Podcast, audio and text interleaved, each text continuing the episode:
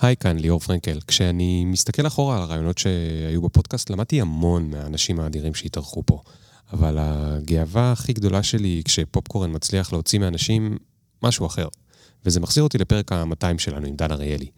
פרופסור דן אריאלי לא צריך להציג, הדרך בה הוא מנגיש כלכלה התנהגותית ראויה להערצה, שלא לדבר על הדרך שבה הוא מנסה להפוך אותה לפרקטית וממשית, באמצעות החברות שהוא מוביל ואלו שהוא מייעץ להן. והאמת, הוא מתראיין לא מעט, הוא מופיע במאמרים ובפודקאסטים הרבה. מה כבר אפשר לחדש? אבל הפרק שבו הוא התארח, פרק ה-200, היה שונה ממה שאנחנו רגילים לשמוע ממנו בדרך כלל. היו שם נושאים שלא הופיעו, לא בספרים שלו וגם לא ברעיונות אחרים. כמו למשל סיפורים על מקריות ומזל בחיים שלו, ומה הם לימדו אותו על איך לנהל את הזמן והפוקוס שלו, או שיחה על איך הוא מסתכל על השקעה בטווח הקצר של החיים לעומת הטווח הארוך. אה, אגב, מאז שהייתי בדיוק בתחילת הכתיבה של הספר שרק עכשיו מתפרסם, הספר הקטן למנהל החדש, התעניינתי גם בסגנון הניהול האישי שלו. אחרי הכל יש לו הרבה מאוד אנשים שעובדים איתו בהרבה מיזמים שונים, רציתי להבין איך הוא עושה את זה, במה הוא מאמין.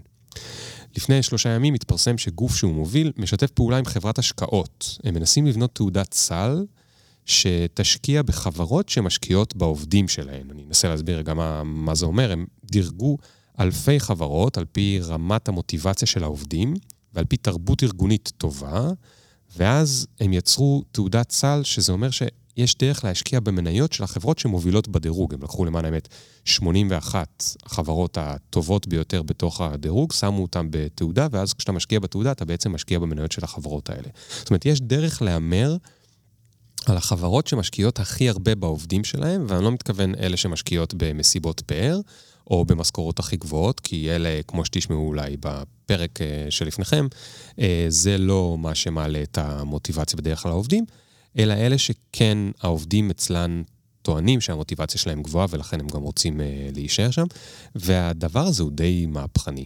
אם תקשיבו לפרק הזה, תגלו שאריאלי דיבר על המדד הזה כבר בפודקאסט לפני שנה וחצי. הוא הסביר איך ולמה הוא הגיע לדרג את החברות בצורה הזאת. ואז יש רגע שבו אני שואל אותו, נו, דן, אז אתה פותח קרן? תעודת סל בעצמך? והוא אומר, אה, לא, אני רוצה שמישהו אחר יפתח קרן, זה לא התפקיד שלי לפתוח מדד. אבל נשמע שבסוף הוא דווקא השתכנע. הפרק הבא יספר לכם את המחשבות שלו מלפני שנה וחצי, או כמעט שנה וחצי, על המדד המעניין הזה שהוא פתח עכשיו. אז אם אתם רוצים להקשיב לכל הדברים האלה שבדרך כלל אנחנו לא שומעים את דן מדבר עליהם, אז uh, מוזמנים להאזין לפרק שוב, ניתן למוזיקה את המקום, ונתחיל בעוד שנייה. Yeah.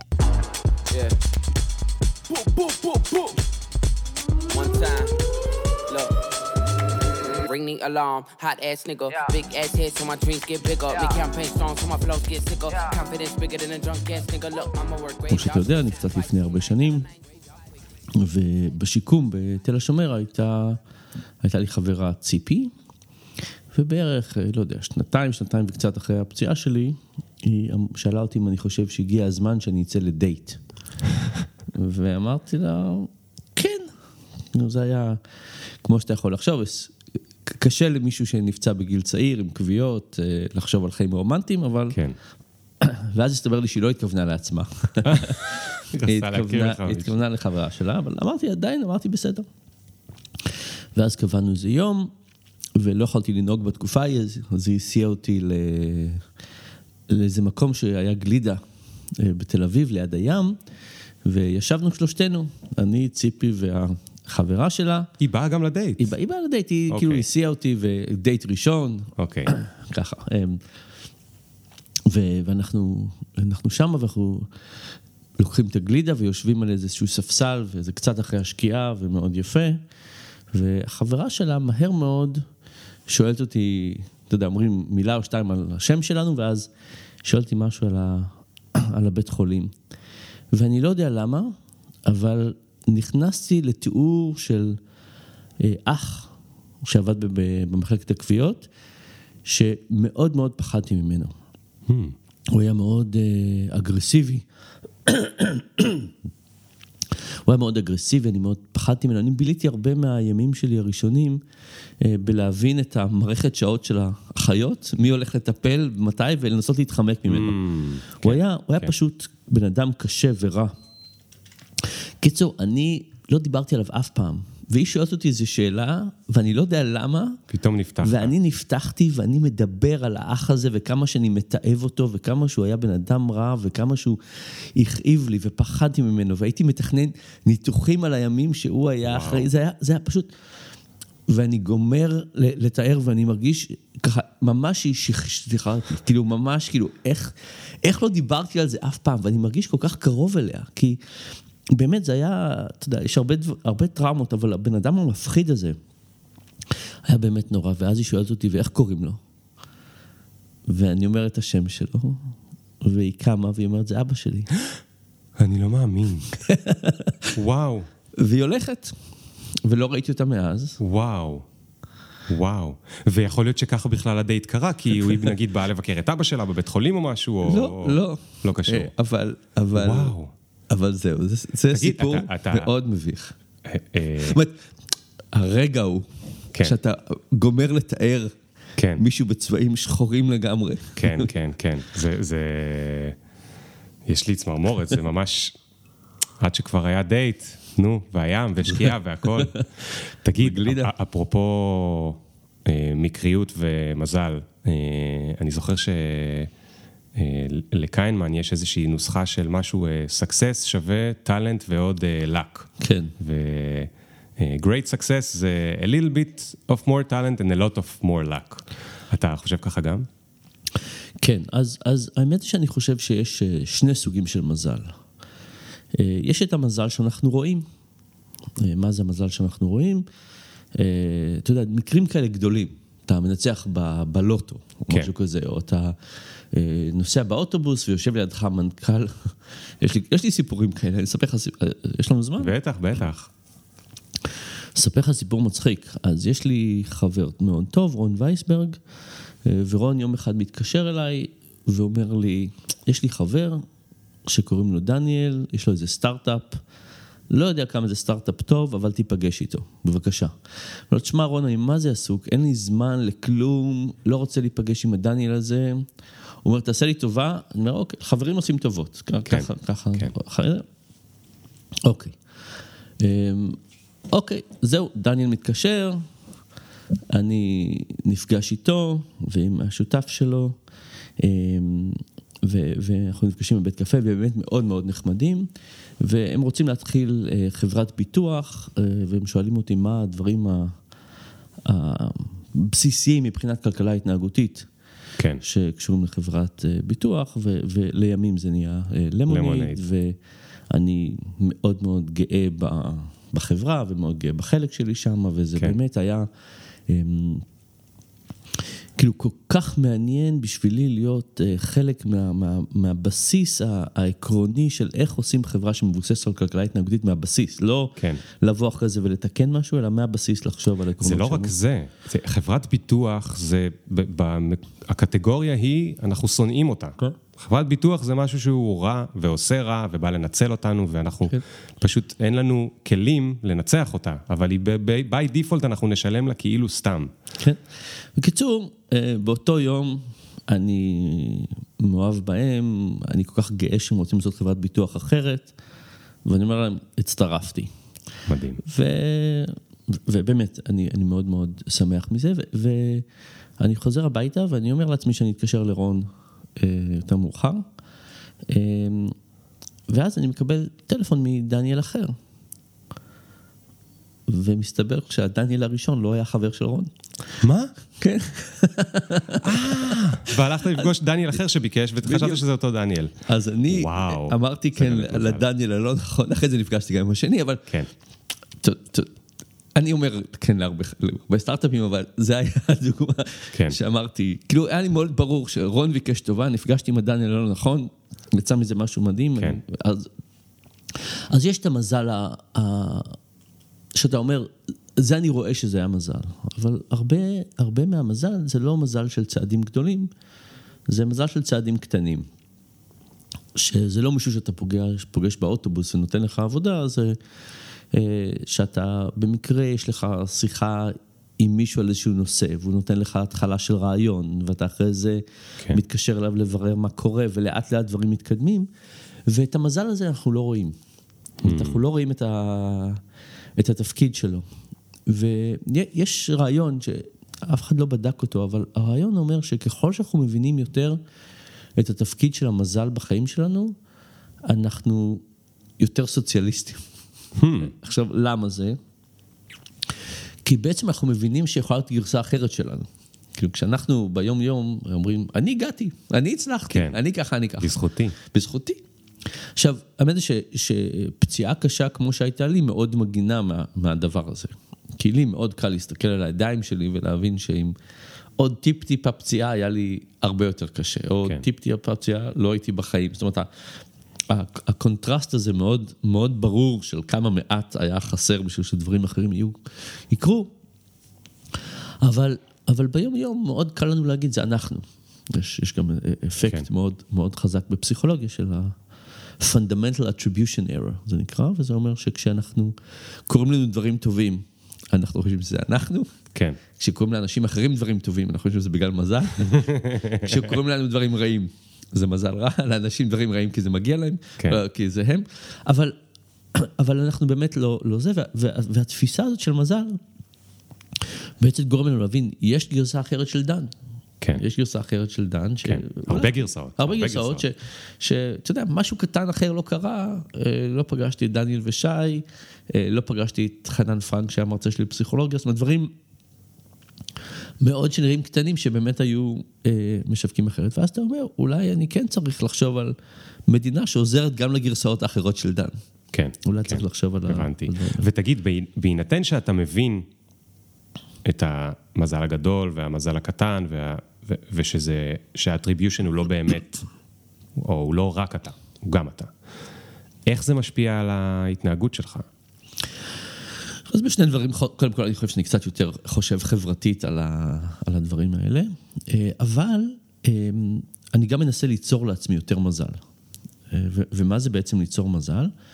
אז תחשוב על שני, שני שלבים. שלב ראשון, תחשוב על שני שחקני כדורסל. אחד מחכה שהוא יצליח ב-100%, ואז הוא קולע. הוא נניח עושה שלושה סלים במשחק. ואחד לוקח סיכון. מנסה קולע הרבה, 50 אחוז הצלחה, אבל מנסה 20 פעמים. מי שחקן כדורסל יותר טוב? אתה יכול להגיד כן. 100 אחוז הצלחה או יותר סלים.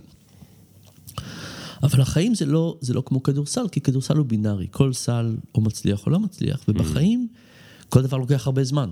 כן. ואפשר להמשיך להשקיע בו ולא. ואני מנסה הרבה דברים.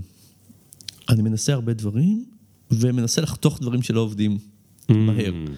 וזה בעצם יצירת מזל. יצירת מזל זה להגיד, יש גבול ליכולת החשיבה האנליטית שלי, להבין מראש מה הולך לעבוד ולא לעבוד. ו- וזה נכון להרבה דברים, ולכן אני לא אשב במשרד ויעשה לי אקסלים ויחשוב יותר מדי לעומק, אני אנסה דברים. כן. ו- ואז אני אראה מה, מה עובד ולא עובד, וכשדברים לא עובדים, כן. אני אפסיק אותם, וכשדברים ימשיכו. אז למשל, אמ, בפרויקטים אקדמיים, אני יכול לקחת כל רעיון ולהגיד, אוקיי, הנה, הנה הרעיון שלי, אה, בוא עכשיו אני אלך, אני אבלה שנה בלקרוא את כל הספרות האקדמאית שאולי רלוונטית, או שאני יכול להגיד, אני אתחיל לחקור משהו קטן, אני אראה אם זה בכלל בכיוון שלי. כן. זה מאוד MVP של סטארט-אפ, אותו סגנון. אמ, אני חושב שיותר מאשר סטארט-אפ, כי אני חושב שהרבה פעמים בסטארט-אפ אנשים חושבים שהם עושים מחקר, אבל הם לא. אה, ואנחנו באמת עושים מחקר. כן. זאת אומרת, אני חושב שאחת האשליות בסטארט-אפים זה ה... תצא מוקדם ו, ו, ותשנה. והאמת זה שלשנות אחרי שיוצאים מאוד קשה. כן. אם נכנסים במוד של אנחנו יודעים מה נכון כבר, אמ, מאוד קשה לשנות. צריך להיכנס במוד שאנחנו לא יודעים. אה, כן. בוא נבדוק את זה. מאוד יותר צנוע. אמ, יש לי שאלה רגע על מה שקרה לך עם אה, הסיפור עם האוטובוס ועם דניאל, שפגשת את הדניאל הלא נכון. אתה אדם הוא מאוד... יצא- הוא יצא מאוד נכון. נכון, נכון, כן. נכון. אבל אתה אדם מאוד מאוד מאוד עסוק, וגם מאוד אה, בחוץ. זאת אומרת, אה, יש לך דמות ציבורית. אתה כן. על במות, וביוטיוב, ובטד, וב- ו- והספרים שלך רבי מכר, ומה שאומר שבעידן הדיגיטלי כנראה פונים אליך עשרות או מאות אנשים רנדומליים, אה, יכול להיות אפילו ביום או בשבוע, אה, עם הצעות. נכון. מה שקרה לך עם דניאל זה קצת מזכיר מה שקורה ב... ב... שלומדים לעשות במשחקי מחשב, שבאופן אה, רנדומלי מדי פעם אתה מקבל איזשהו בונוס, איזשהו אה, זה, וזה מבלבל אותך. אתה עכשיו כל הזמן אומר, אני תמיד אתאמץ, כי מאיפה אני יודע אם עכשיו, תכף אני אקבל את הבונוס. נכון. אז איך אתה יודע לא להגיד כן על כל הדברים? כי איך אתה יודע שלא מחר תפגוש את למונייד 2? כן, אז קודם כל, אה, מה שאתה מדבר עליו זה מה ש-B.F. סקינר קרא לו random reinforcement, נכון? ו-B.F. סקינר, הפסיכולוג הידוע, הראה שאם לוקחים חולדה ונותנים לה נניח פרס, אוכל, על כל 200 פעמים שהיא לוחצת על דוושה, חולדה לוחצת ומקבלת אוכל. אבל אם זה רנדומלי, זה בא עם אותה תוחלת, 1 ל-200, אבל בין 1 ל-400, החולדה לוחצת הרבה יותר, ולא רק זה, כשנעלם האוכל היא ממשיכה. כן. ו... ו- והאמת היא שאני אני כן מהמר עם הזמן, ואתה אתה צודק, זאת אומרת, כשקורים דברים מדהימים כאלה, זה מאוד מחזק את התחושה, זאת אומרת, זו התחושה שכולנו כל הזמן בפייסבוק וככה, וזה באמת, זה באמת ממכר. אמ, ואני באמת עונה ליותר מדי אנשים, לא, לא רק בגלל זה. אה, אתמול למשל, היה איזה, עניתי לאיזה בחורצ'יק אה, בתיכון בקוריאה, שהיה לו איזה שאלות על אה, משהו שהוא כותב. אני סתם אומר לך כמה דברים, היו לי עוד, אבל כן. אה, מישהו, תיכוניסט בקוריאה, שרצה לכתוב משהו לתיכון שלו, ולא יודע אם הוא בי"א או בי"ב. והיה לו איזו שאלה על משהו. ועניתי לאיזה בחורה שמנסה, שלומדת ב-LSE, ויש לה עוד איזו שאלה. וכן, פונים אליי הרבה ואני, ואני מנסה, חלק מזה זה תחושה של הכרת תודה. זאת אומרת, אני בכל זאת מאוד שמח שאנשים לוקחים את התחום, ואני חושב שאם אני מייצר איזה ספר ושולח אותו לעולם, זה שיחה, זה לא, אני לא רואה את זה בתור... אה, כן. חד סטרי, מישהו קרא, אני לא יכול לענות לכולם, אבל, אבל אני כן מרגיש שיש בזה משהו. אה, ואני כן מהמר עם הזמן שלי. אה, והשאלה באמת למה להגיד כן ומה להגיד לא היא מאוד מאוד, מאוד מאוד חשובה. אני התחלתי לכתוב על זה ספר. אני ראיתי האחרונה. באתר שלך אה, אה, עמוד שכולו רשום שם yes, no, וצריך לענות על שאלון עם איזה שלוש שאלות. אז קודם כל, כל מי שמקשיב, תעזרו למחקר של דן ותלכו לה- להשיב שם, אבל אין שם שום הסבר. אני אני רציתי שם- לשאול אותך, אתה- אני- מותר לך לספר? אני, אני, מתחיל, אני מתחיל לחשוב, זאת אומרת, יש לי איזשהו, ניסיתי לפתח איזה אה, מין מערכת שיקולים שתעזור לנו להחליט למה כן ומה לא, אה, כאשר בתוך זה חייבים לתת מקום לרנדומליות. זאת אומרת, כן. חייבים לתת מקום לדברים שלא היינו עושים אחרת, ואני חושב מתוך אה, שני, שני כיוונים, אחד זה שאנחנו לא רוצים להיתקע על משהו ספציפי, אה, והדבר השני הוא שאנחנו בעצם כלי לומד. זאת אומרת, כשאנחנו מדברים על אה, להשקיע, ב, ב, לעשות משהו, אנחנו צריכים להבין שבסוף, זוכר שבהתחלת קוביד שאלו אותי, במה כדאי להשקיע? במניות, בבתים, בזה, אמרתי, תשקיעו בהון האנושי שלכם. זאת אומרת, זה הדבר שהולך להישאר איתכם הכי הרבה זמן, יניב לכם הכי הרבה, יניב לכם הכי הרבה אחוזים, זו הזדמנות טובה להשקיע בהון האנושי, תשקיעו בעצמכם. אמ, ויש הרבה דברים כאלה, יש הרבה דברים כאלה שהם השקעה בהון האנושי שהוא רנדומלי מהבחינה שאתה לא יודע מתי אתה תצטרך אותו. זאת אומרת, אני אוסף המון חתיכות ידע, אמ, שלפעמים למדתי משהו, כן. אמ, ו, ולפעמים, לפעמים אני אומר, אני אחרי זה מגיע לאיזשהו מצב ואומר, וואו, איזה כיף שעכשיו אני, איזה מזל אנחנו אומרים. איזה כן. מזל שלמדתי את הדבר ש, הזה. שיש לי את, ה, את הידע הזה. אז, אז בדברים, הרבה מהמחקר שלי מתעסק בהתנהגות כלכלית, התנהגות בריאותית, אה, מוטיבציה במקום העבודה, ודברים שיותר קרובים לתחום הזה, אני כמעט אף פעם לא אומר לא. Hmm, זאת הבנתי. אומרת, אם יש מישהו אמ, שרוצה לדבר איתי על משהו שהוא עושה בת- בתחום הזה, אתה יודע, זה, זה, זה תמיד יש לי איזשהו ממשק, כן. זה מעניין, אז אני עושה.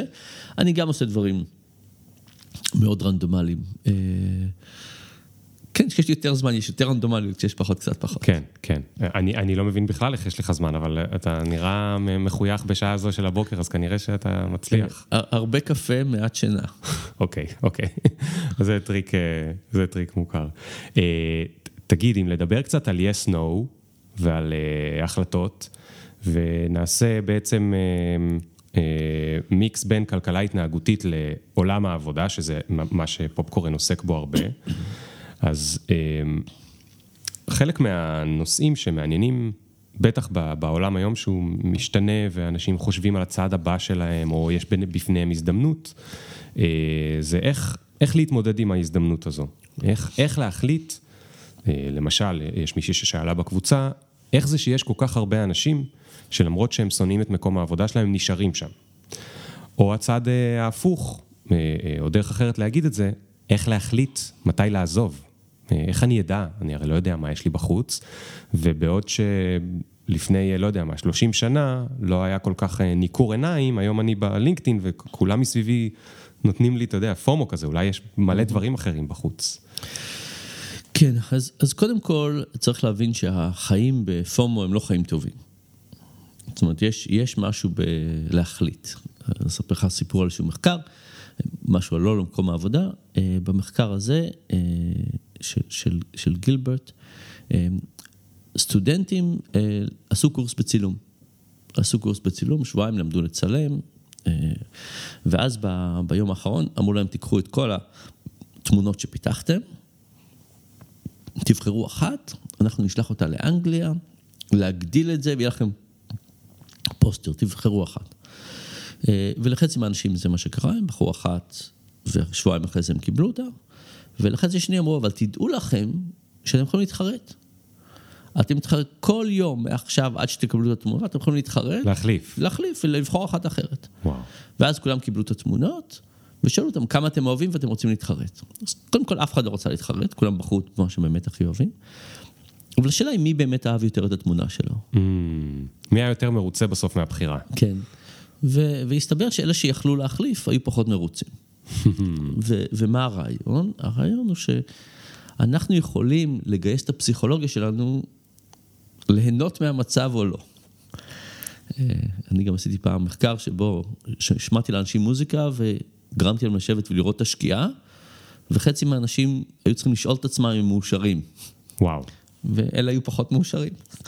זאת אומרת, המצב שבו אנחנו קיימים, עכשיו, העניין הזה עם התמונות, וזה גם נכון ליחסים רומנטיים. כן, טינדרים כאלה. אם אנחנו אומרים, אני ביחסים האלה, ואני מחויב, אנחנו מגייסים את המנגנונים הפסיכולוגיים שלנו לשפר את המצב. כן. אנחנו מגדילים את המחויבות, מגדילים את ההשקעה, וזה לא רק שאנחנו חושבים על דברים אחרת, אנחנו גם משקיעים אחרת. אם אתה אה, עם אה, בן או בת זוג, אה, ואתה אומר, אני מחויב, אתה קם בבוקר אחרת.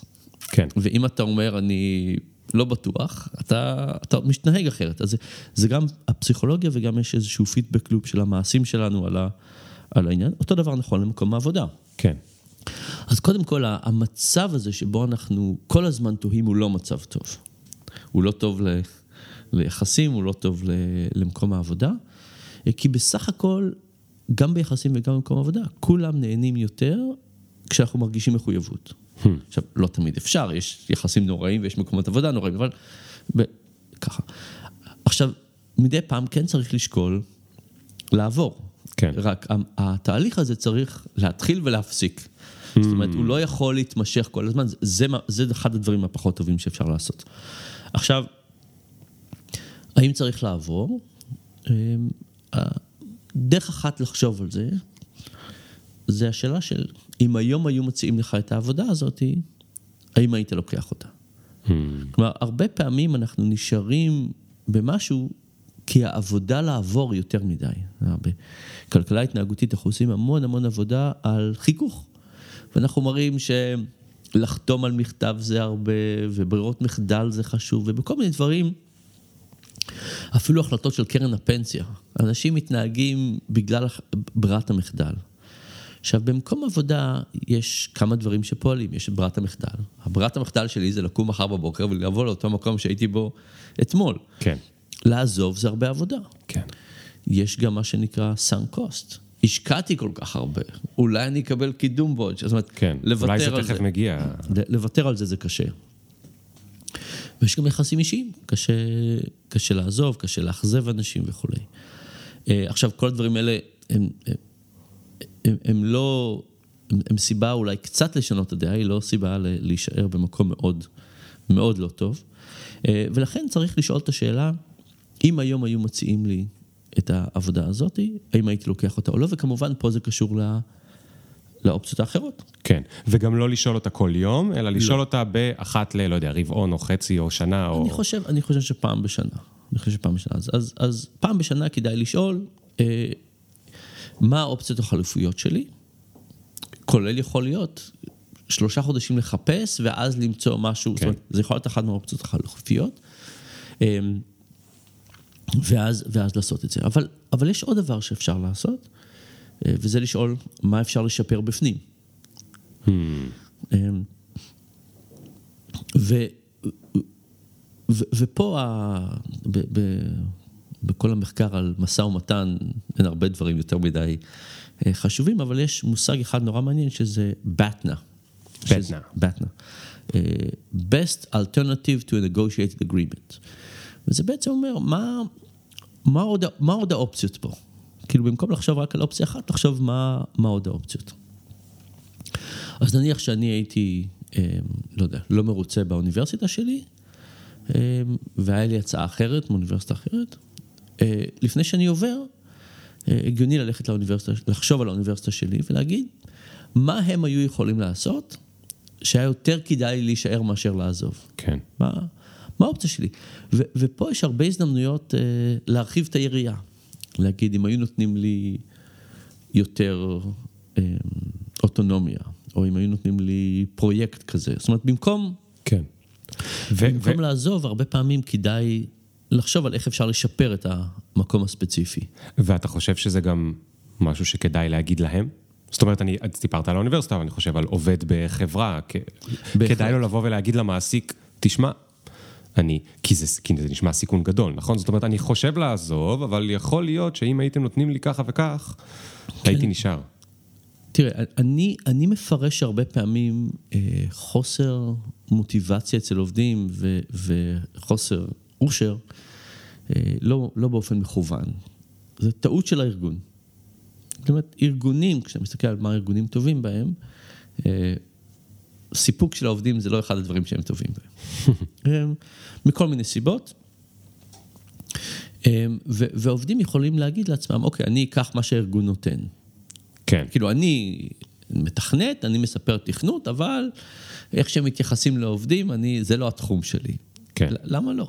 למה שזה לא גם יהיה התחום? למה אפשר לשפר בכיוון אחד ולא, ולא בכיוון שני? ואני חושב שאם תבוא ותגיד, אם לא תיתנו לי, אני מתפטר, זה, זה איום מסוג אחד, אבל לבוא ולהגיד, לא מספיק טוב לי. ואני חושב שאני יכול להיות גם יותר מאושר וגם יותר פרודקטיבי אם יהיה משהו אחר, זו הזדמנות בהחלט טובה. כן. אני חושב ש, שכדאי לאנשים לעשות את זה וכדאי לארגון לעשות את זה. והארגון צריך גם להבין איפה הם מפספסים. עכשיו, אם, אם הארגון התכוון שיהיה לך רע, אם הארגון התכוון, תראה, מה, אנשים ירצו בסופו של דבר? אה, מעט אנשים יבואו לארגון ויגידו, אה, אני, אני צריך, אה, לא יודע, פי שניים יותר ימי חופש.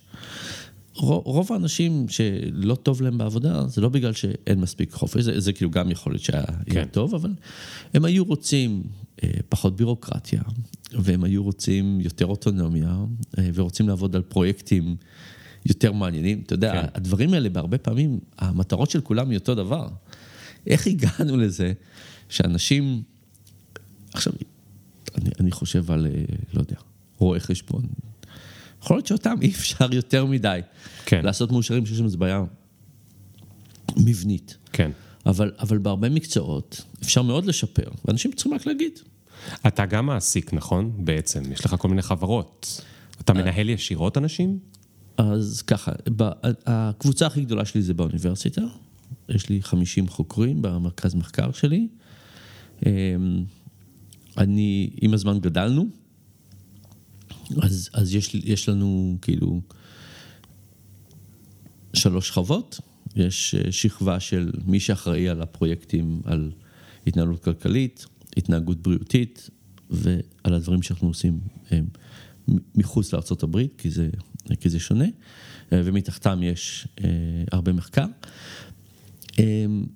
סגנון הניהול שלי הוא שאני אומר לכל האנשים שעובדים איתי, שאני סומך עליהם במאה אחוז, שהם לא צריכים לדווח לי על כלום, פעם בשנה אנחנו כן עוברים על הכל, אבל, אה, אבל אני כן אומר שאני לרשותם. זאת אומרת, כשהם צריכים אותי, אה, כן. אני לרשותם.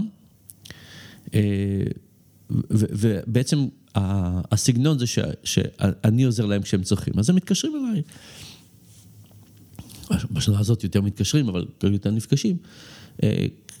כשצריכים הכוונה לפרויקטים חדשים, כן. או דברים כאלה, אני לא רוצה שיבזבזו את הזמן שלהם בדיווחים. אה, וגם זה מאוד מתאים לתפיסה שלי של אוטונומיה. זאת אומרת, אה, כשהתחלתי ב... בדרך הזאת היו הרבה פעמים שהם בחרו לעשות דברים שאני הייתי בוחר אחרת. כן. וזה חלק מהעניין של אוטונומיה. זאת אומרת, אם אתה מכיר באוטונומיה ואתה מבין שאוטונומיה זה דבר חשוב, אה, אתה אומר, אנשים לפעמים יעשו דברים באופן אחר, לפעמים יקרו כן, אפילו. כן. וזה זכותם. כן. זו זכותם לטעות. אבל, ו... אבל נכון, אבל זה לא רק זכותם, אלא גם לפעמים הטעויות שלהם יותר טובות ממה שאנחנו היינו מחליטים שכדאי שהם יעשו. אה, כאילו... אתה יודע, בזיכרון שלי הטעויות, אני זוכר, בזיכ... תראה גם, גם צריך לזכור, כשאני מדבר איתם, הטעויות ברורות וההחלטות הטובות שלהם, אתה אומר, אה, גם אני הייתי מחליט ככה. כן, אז... כן. אבל כן, אז בהחלט, בהחלט לאוטונומיה אה, יש, יש מחיר, ואני מזכיר לעצמי את המחיר הזה. כלומר, אני... אני מזכיר לעצמי שזה, שאני צריך, לק... שקיבלתי את זה. אתה תמיד היית ככה? מנהל משחרר? נותן אוטונומיה? לא, לא. כש, כשהתחלתי את הקריירה האקדמית שלי, אמ, הייתי נפגש עם הסטודנטים שלי כל יום, עם הדוקטורנטים, והייתי נכנס מאוד לפרטים ועובר על הכל. אמ, עם השנים גם הארגון השתפר. זאת אומרת, עם השנים האנשים, יש לי, אה, עברתי לדיוק לפני בערך עשר שנים, כמעט אף אחד לא עוזב אותי, אז כאילו אנחנו גדלים כל הזמן, אבל האנשים כן. הוותיקים איתי מה, מההתחלה. אמ, אז אני חושב שעם הגדילה והאמון וההבנה המשותפת, כן. יכולתי לעשות את זה. כן. אמ, אז... אה, אתה לא מפחד? אני, אני כן, אני כן מפחד. אני הרי כן יש שם בסוף תקציבים, ולפעמים עוברת אה, שנה, ו, ו, ו, ואתה מסתכל ואתה אומר, אופס, הוקטור בכלל היה 20 מעלות לכיוון הלא נכון. כן, אז, אז, אז צריך באמת לבדוק בדחיפות מספיקה, ש, שאני לא ארגיש שהוקטור מתרחק יותר מדי, אבל גם כשהם הולכים בכיוון שאני לא, לא מסכים איתו, אני אף פעם לא מחליט בשבילם. אני, אני כן מדבר, אני כן אה, שואל, אומר מה דעתי, אני תמיד אומר, זה הפרויקט שלכם, אתם אחראים עליו, זה, אבל אני הייתי עושה כן. אה, ככה או אחרת, זאת אומרת, אני בהחלט לא מתעלם מזה שאני יודע משהו ואני יכול, ואני יכול לעזור, אבל אני נותן להם לקחת את הכיוון שלהם.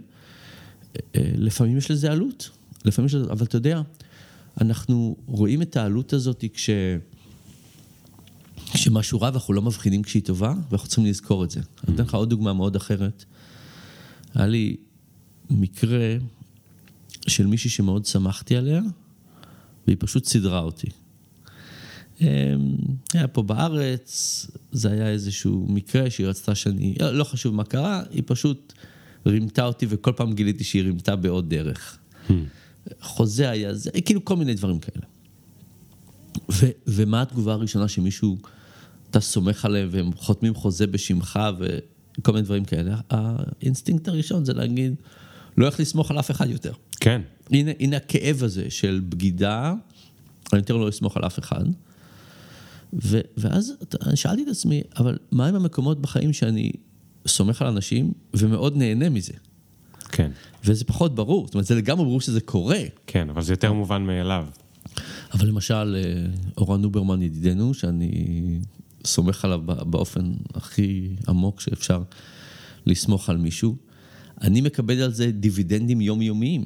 עכשיו, אני לא יכול לכמת את זה אפילו, כי אני, אני לא יודע אפילו לאיפה זה מגיע, אבל, ו, ולכן אנחנו רואים טעויות, ואנחנו רואים את החוסר אמון, וה, והנטייה הראשונה זה לא רוצה טעויות, לא רוצה חוסר אמון, כן. אבל כשאנחנו עושים את זה, אנחנו גם פוגמים בצד החיובי. עכשיו למשל על בירוקרטיה של הממשלה, או בירוקרטיה בתוך ארגון. איך, איך בירוקרטיה קורית? מישהו עשה משהו לא בסדר. אמ, חיל אוויר, נכון? התחקיר בחיל אוויר. משהו, לא, אתה יודע, אמ, נדבר אפילו על משהו עצוב שקרה, אה, תינוק נשאר באוטו, ולצערנו נפטר. כן. ועכשיו עושים תקנה שכל המכוניות חייבות כן. מכשיר להגנה על תינוקות באוטו, יש לזה עלות. כאילו בכסף הזה היינו יכולים לפתוח בית חולים חדש. כן, כן. זה, זה לא... ולהציל הרבה תינוקות אחרים. ואנחנו אנחנו רואים, אנחנו רואים את הטעות, והטעות כואבת לנו כל כך, ואנחנו לא חושבים על מה אנחנו מפסידים כשאנחנו מטפלים בטעות הזאת. ו, ואם אני היום הייתי מפסיק לסמוך על אנשים, מפסיק אה, לתת להם אוטונומיה, הטעויות שהיו קורות מזה, לא היינו רואים אותן. כן. כי בעצם היינו מפספסים הזדמנויות, מפספסים מוטיבציה של אנשים, מפספסים יצירתיות של אנשים. וגם כנראה לא היה לך זמן לבוא לפגוש אותי, כי, כי היית מאוד עסוק בלעבור על אימיילים של כן. דיווחים וסטטוסים. אה, זה, זה, אני... זה קשה לשחרר, דרך אגב, זה... זה קשה לשחרר וצריך להתאמן בזה. יש לי אה, אה, חברה מאוד טובה, ש...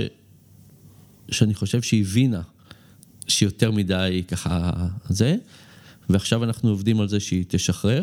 כן. והיא, והיא מתאמנת בזה, זאת אומרת, כן, זה, כן. לא, זה לא יקרה ביום אחד. כן, זה מאוד, uh, יש גם עובדים יותר בכירים שהם מבינים את זה. זאת אומרת, לי היה עובד פעם שהיה אומר לי, uh, התפקיד שלי זה לתת לך שקט.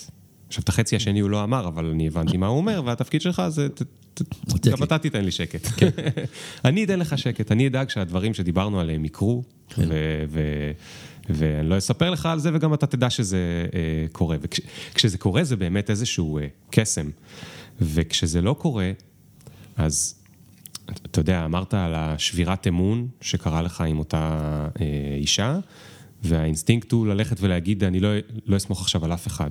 זה קצת מזכיר את, ה, את ה, הנושא שדיברת עליו ב, ב, בספר עם ה-dishonesty, שאיך חברה מהר מאוד הופכת להיות חברה שלא סומכת, כי כן. עוד אחד לא סומך ועוד אחד זה מאוד מדבק, נכון? זה... כן.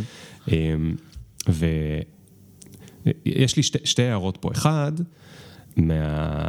אני גם לומד לשחרר עם השנים, אמ, וזה באמת היה תהליך ארוך והוא מאוד מאוד אה, משתלם, אבל גיליתי שזה עובד לי עם...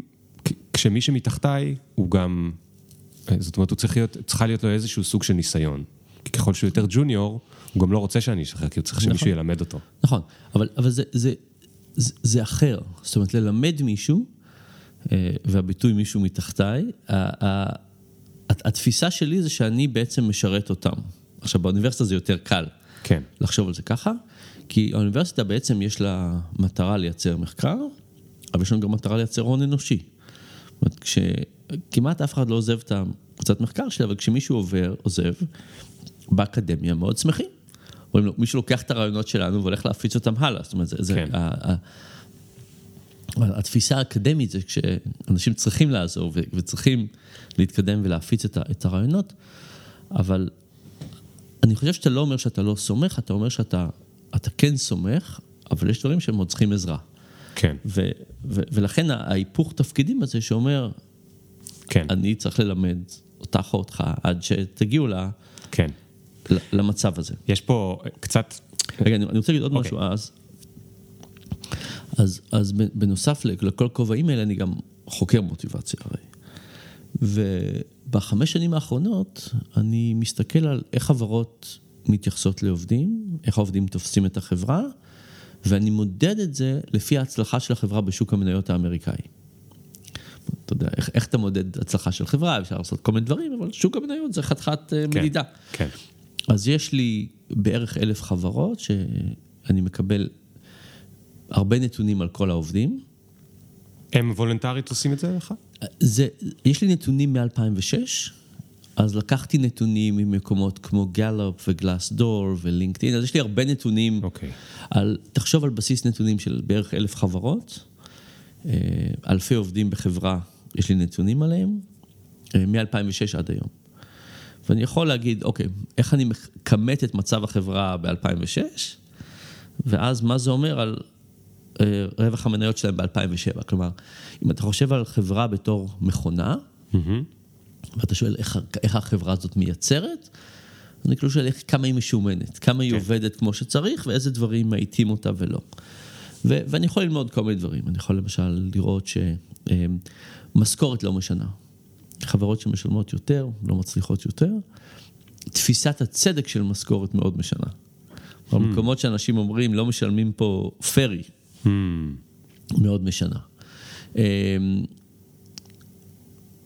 health benefits, אה, ביטוח רפואי יותר טוב, אה, פנסיה יותר טובה, לא משנה. אה, איכות הקפה לא משנה, כיסאות לא משנים, שולחנות לא משנים, אבל הדברים שכן משנים זה למשל שאנשים מרגישים מוערכים. אה, ו- אז אנשים מרגישים מוערכים, אנשים מרגישים שהם, ה-management is transparent, הם יודעים מה, מה הם רוצים לעשות, הם מרגישים שהכוונה, הרצון שלהם והרצון של החברה הם בעצם אותו דבר. זאת אומרת, הם מתעור- מתעוררים בבוקר ואומרים, איך אני, כן. מה שיעשה לי טוב זה שג'ולט יצליחו. זאת אומרת, כן, אה, משהו כן. כזה. אה, שזה מגביר גם אותנטיות במקום כן, העבודה. מאוד. אה, ועוד דבר זה שאנשים אה, מוכנים לקחת סיכונים, והם יודעים שהם אם יעשו משהו חדש וזה לא יצליח, זה יהיה בסדר. Hmm. הרבה חברות אומרות לאנשים, תחדשו, אבל אם אתם טועים, אנחנו נעניש אתכם. כן, זה לא עובד. ביחד. ורק לתת לך אה, דוגמה, אם, אם היינו לוקחים את המדדים שלי מ-2006 ומשקיעים לפיהם, יש לי הרי אלף חברות, אני כן, יכול... כן. אני, אז אני יכול להגיד, אם היינו לוקחים אה, דולר ב-2006 ומשקיעים אותו ב-S&P 500, היינו ב-2019 מקבלים שלושה דולר. כן. באמת השוק מאוד הצליח, פי שלוש. אם היינו משקיעים בחברות שעושות את הדברים שאני אומר שהם טובים לעשות, היינו מקבלים שמונה דולר. וואו.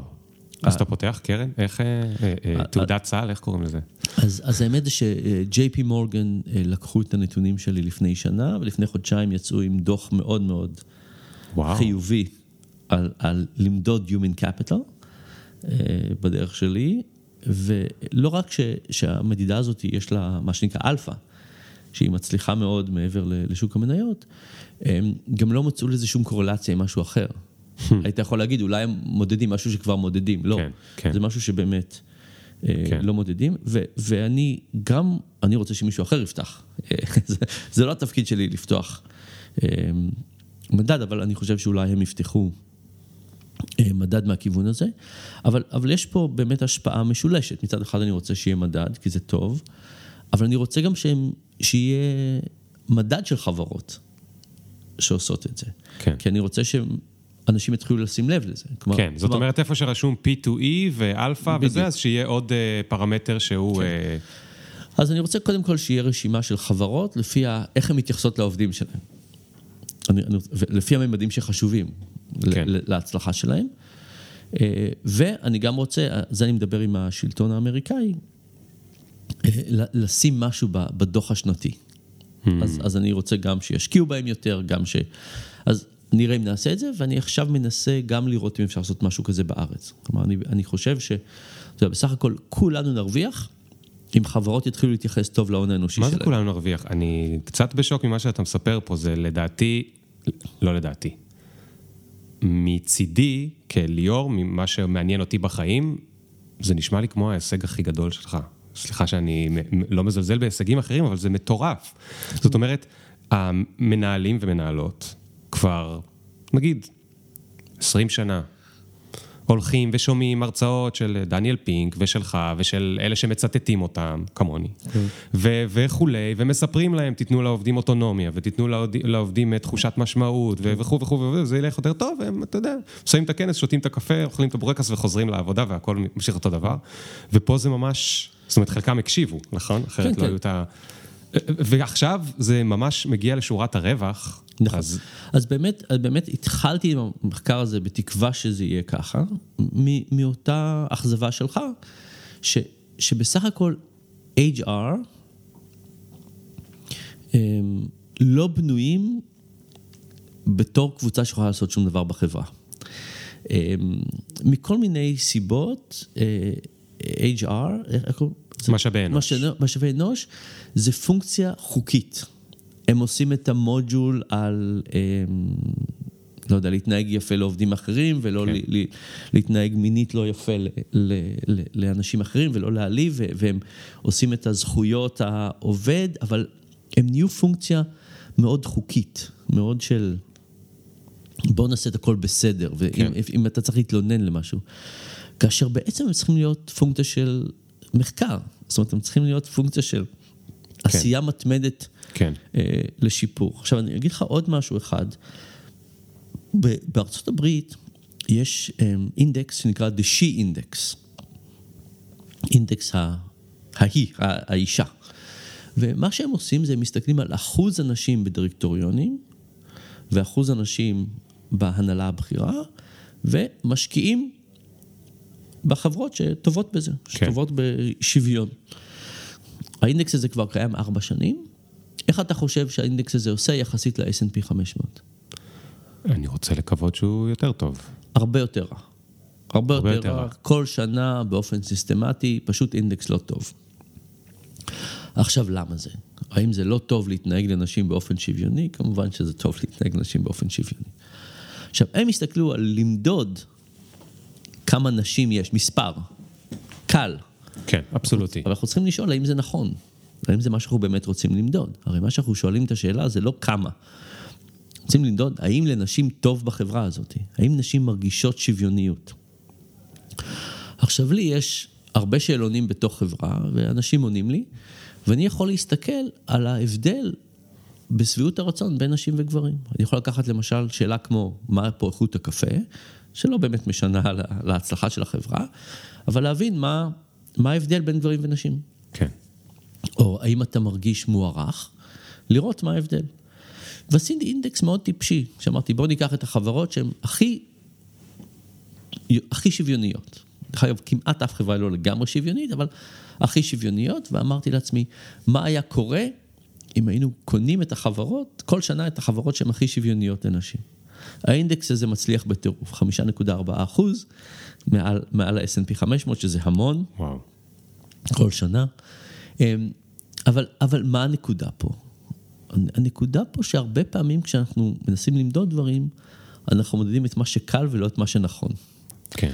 ו- וכשנכנסים יותר עמוק לנתונים שלי, בגלל שיש לי נתונים מ-2006, אני יכול לראות למשל דברים, תחשוב על אובר. אין לי נתונים על אובר, אבל אני מספר כאילו סיפור על אובר. אז אובר יש להם בעיה אמיתית ביחס לנשים, מתייחסים לנשים באופן מחפיר, אה, ואז יום אחד הם מחליטים לתקן את זה, והם שוכרים את אריאנה הפינגטון לעלות ל board. ביום הזה, יש להם עוד אישה כן. בבורד. איך נשים בתוך אובר מרגישות? אז האמת היא שהן מרגישות עוד יותר רע. למה?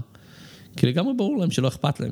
כן, שזה זה, כסת"ח. זה, זה בדיוק, זה, זה בדיוק, ברור להם שהם עושים את זה בשביל העיתונות, ו... אבל לא באמת אכפת להם מזה. ואנחנו רואים באמת מגמה שבה חברות שמוסיפות נשים לעמדות בחירות ומתקנות את התרבות, באמת משתפרות. Hmm. וחברות שמוסיפות נשים ולא מתקנות את התרבות, מצבם מידרדר. כן. ולצערנו, בגלל הסיפור הזה שיותר קל לחברות uh, to check the box ולסמן משהו, הם עושים את מה שמסמנים ואת לא, כן. לא מה שנכון. ועכשיו, עוד, עוד דבר זה ש... כשאני מסתכל על כל הדברים שמשנים ולא משנים, הדברים ש... שמשנים זה דברים שממשיכים לחשוב עליהם. אז למשל, לקפה מתרגלים. אה, לכמה הם נותנים לך לפנסיה, לא חושבים על זה הרבה. מצד שני, אישה שעובדת בחברה, וכל הזמן מרגישה שמי שיושב ב, לידה, בשולחן לידה, מקבל יחס יותר טוב בגלל שהוא גבר, לא מתרגלים לזה. כן. לא מתרגלים לזה. ו, ולכן הדברים שמשנים, להרגיש מוערך, אה, בירוקרטיה, זאת אומרת שלא יהיה בירוקרטיה, שייתנו להסתכן, הדברים שמשחקים בח, בחיים שלנו יום-יום, זה הדברים שצריכים לעבוד עליהם. כן. אז, אז אני חייב, יש פה שאלה ששאלה מישהי בקבוצה באמת, היא שאלה, איך אפשר לתכנן את, ה, את עולם העבודה, שהוא יהיה יותר שוויוני לנשים, או ייתן לנשים אימהות את אותן אה, הזדמנויות כמו גברים אבות?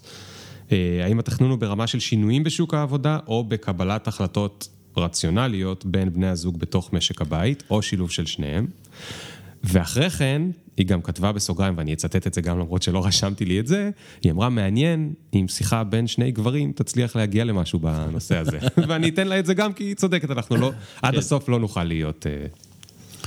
כן, אז, אז האמת זה שזו שאלה נורא נורא קשה ונורא מורכבת, ואין לי ממש תשובה טובה לזה. אה,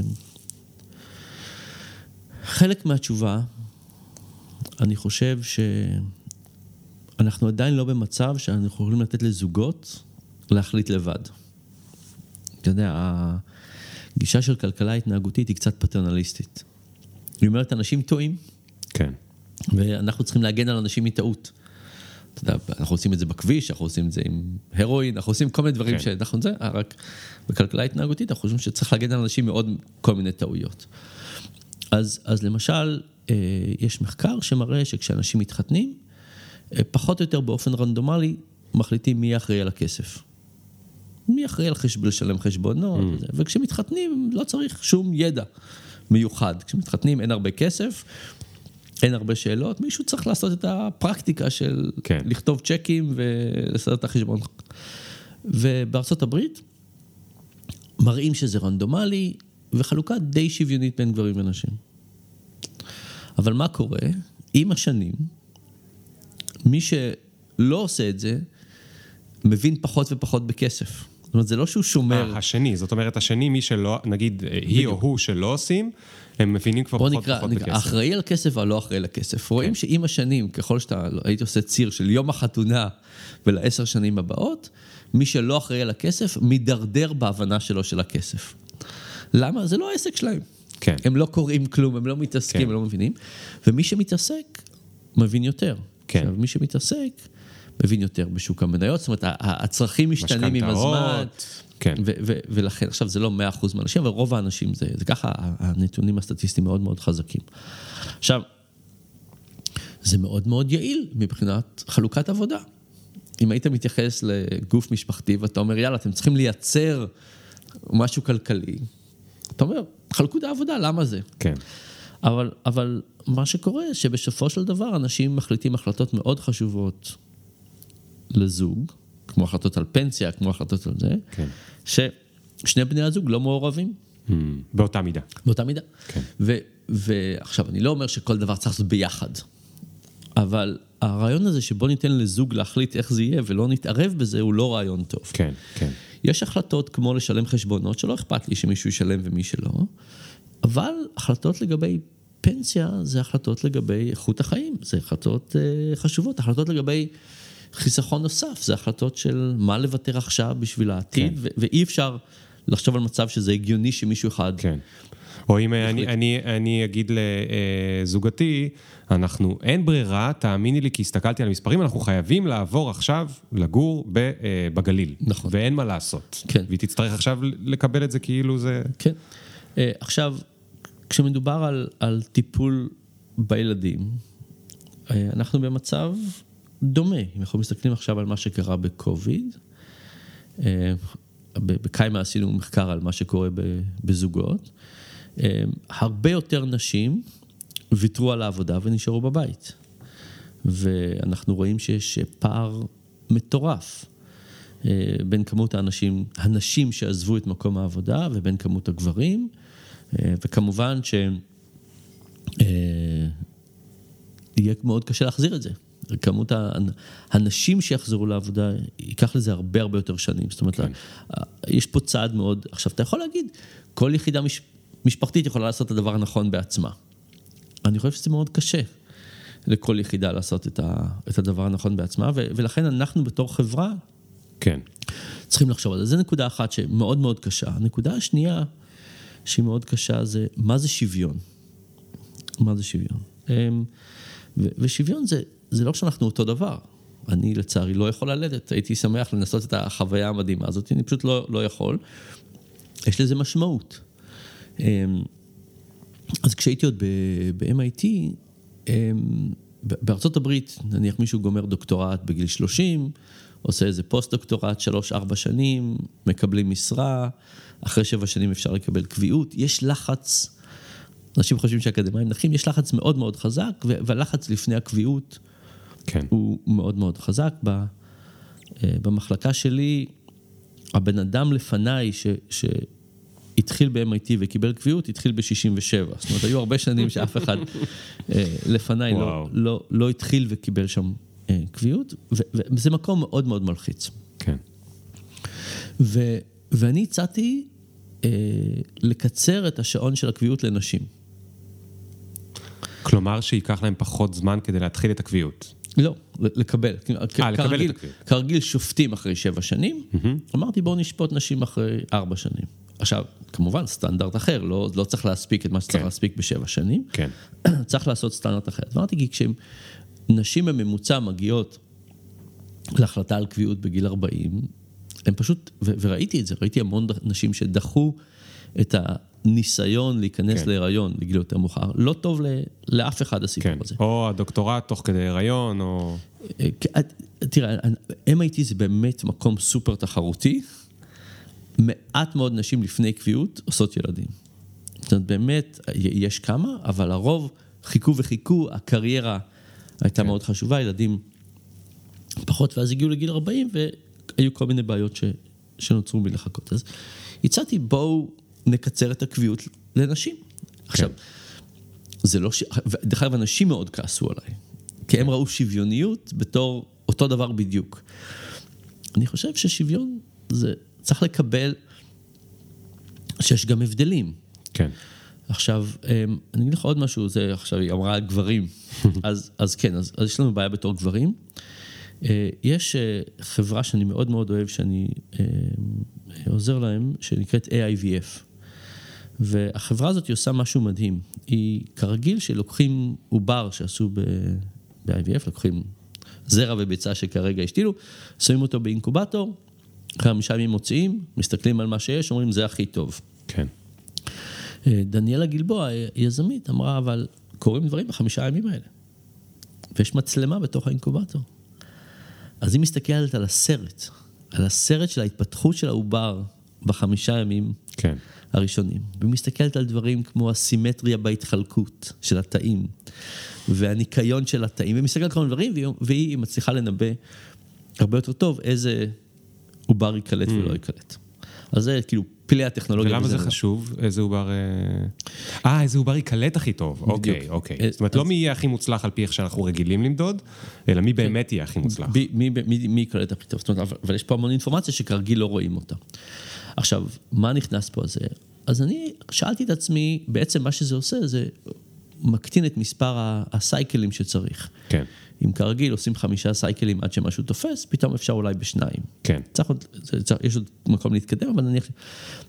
ואמרתי לעצמי, מה, מה היתרון? וזה היתרון בזה שזה מוריד חוסר ודאות. זה... אז עשיתי מחקר ושאלתי נשים, כמה חוסר הוודאות על מתי הם ייכנסו להיריון משפיע להם על הקריירה. ובדקתי נשים שהיו בהיריון, mm-hmm. בדקתי נשים שלא היו עוד בהיריון, ובדקתי גברים. ונשים שהיו בהיריון אמרו שזה שינה להם באופן מהותי. למשל, הם אמרו, לא ביקשתי קידום, או לא ניגשתי לקידום, כי חשבתי שאני רוצה להיכנס להיריון ולא רציתי לקבל קידום והיריון. כן. אמרו, לא עזבתי עבודה. כן. אה, לא התחלתי סטארט-אפ, לא הלכתי כן. ללימודים, לא לקחתי קורסים במקום. נשים ויתרו על דברים, עכשיו אני ממש לא הערכתי את זה, ממש לא הערכתי נכון. כמה חוסר הוודאות במתי הם יוכלו להיכנס להיריון, מעכב להם, משנה להם את, ה, את הקריירה. כן. ולכן אני חושב ש-AIVF, חוץ מהטכנולוגיה, אם יוכלו לעזור לנשים כן. לת, לתכנן את זה יותר טוב, זה יהיה, זה יהיה מאוד טוב.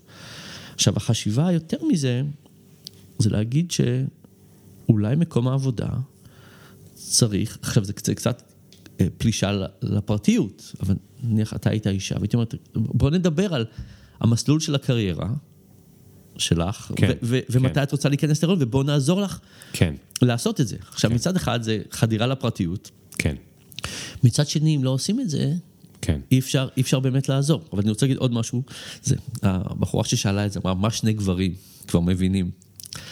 אז במחקר הזה, שאלתי נשים שהיו בהיריון, אבל שאלתי גם נשים שלא היו בהיריון, והן לא מבינות מה הולך לקרות. זאת אומרת, זה, זה גם נשים צעירות, כן, אה, הם כמו גברים. מעניין. מהבחינה הזאת, אה, הם היו כמו גברים בחוסר... אה, די, די כמו גברים, אה, לא, לא כל כך אבל יותר קרובות לגברים.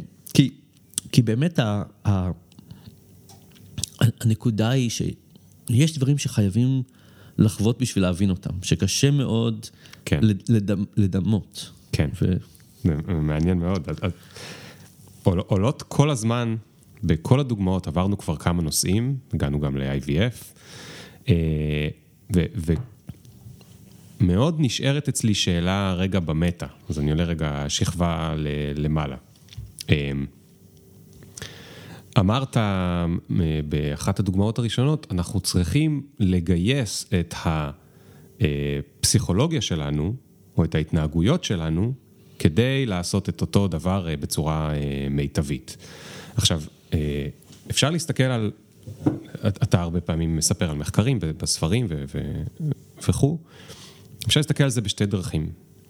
אפשר להגיד, היי hey, חבר'ה, אני מסתכל על מה שקורה, אני מספר לכם על מה שקורה, ועכשיו זה יעזור לכם להיזהר מעצמכם. אוקיי? נגיד המחקר על ה... אה, על השלוש pricing tags, זה משהו ישן כבר, כן, אבל אה, אני, אני מאוד אוהב אותו, כי אני גם בתחום השיווק לפעמים, אז אני חושב על זה. אה, שאם אני אתן שתי הצעות או שלוש הצעות, אני יכול לנסות לכוון את הלקוח למקום יותר שאני הייתי רוצה.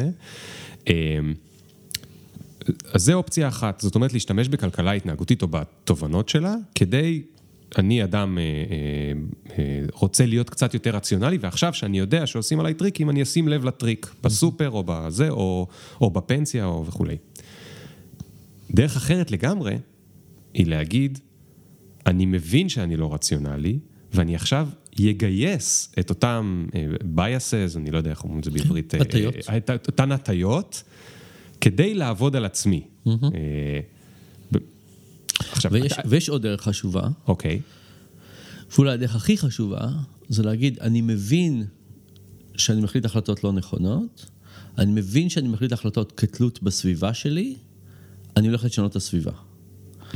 ו- מה זאת אומרת? מה זאת אומרת? למשל, אתה יכול להגיד, הטלפון מסיח את דעתי כל הזמן, אני אכבה את ה notifications.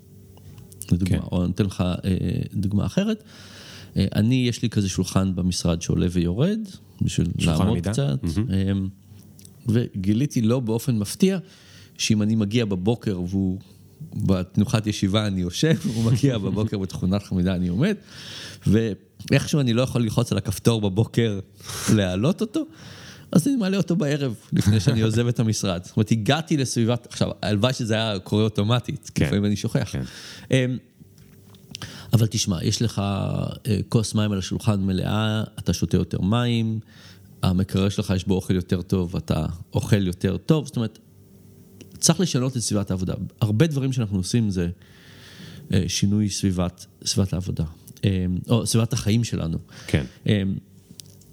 אני, אני אתן לך דוגמה מאחד המיזמים שאני הכי אוהב. יש לי חברה ש, שהתחלתי עם חבר שנקראת שייפה. ואנחנו החלטנו אה, לעזור לאנשים להוריד משקל. עכשיו, איך מתחילים, טוב, יש המון דרכים, אתה יכול לחשוב, אבל איך, איך מישהו במדעי החברה מתחיל לחשוב על זה? אז קודם כל, ההבנה הראשונה זה שהמאבק בבריאות הוא מאבק יומיומי. אי אפשר להיות טובים חמישה ימים ולאכול הרבה, אתה יודע, אם כל יום אתה אוכל 200 קלוריות פחות ובסוף השבוע אתה אוכל שתי סופגניות, נגמר ה... כן, בממוצע אתה אותו... אז, אז צריך לעשות את זה יום-יום, וצריך להתחיל מהבוקר. וגם צריך משהו שיזכיר לנו. כי אנחנו לא נזכור לבד, אנחנו לא נקום בבוקר והמחשבה הראשונה תהיה איך אני אהיה יותר בריא. כן, אז אמרנו בואו נסתכל על המשקל באמבטיה. משקל באמבטיה, מישהו נותן לך חצי מטר מרובע מה... מהאמבטיה שלו, מהמקלחת, אה, כאילו, כן. קח את זה, זה... כן, כן. זה. ואז חקרנו שנה שלמה את משקל באמבט, הוא אמר, מה יש לי לחקור? אז ככה, מצאנו שלושה דברים. דבר ראשון, מצאנו שטוב לעמוד על המשקל כל בוקר, לא כל כך טוב לעמוד בערב. למה? כן, אם- יותר הזה? לא, לא, זהו, זה לא זה. אם אתה עומד בבוקר, אתה מזכיר לעצמך שאתה רוצה להיות בריא ואתה אוכל קצת פחות לארוחת בוקר. אם אתה מזכיר לעצמך לפני שאתה הולך לישון, אתה פשוט הולך לישון, בבוקר שכחת כבר את כל העניין. כן. הנקודה השנייה זה שיש הרבה שונות. אנשים עם BMI סטנדרטי, יכול להיות קילו ביום שעולה ויורד, לפי מתי הלכת לשירותים, כמה שתית, מלח, כן. דברים כאלה. והשונות הזאת יוצרת מה שנקרא gain aversion.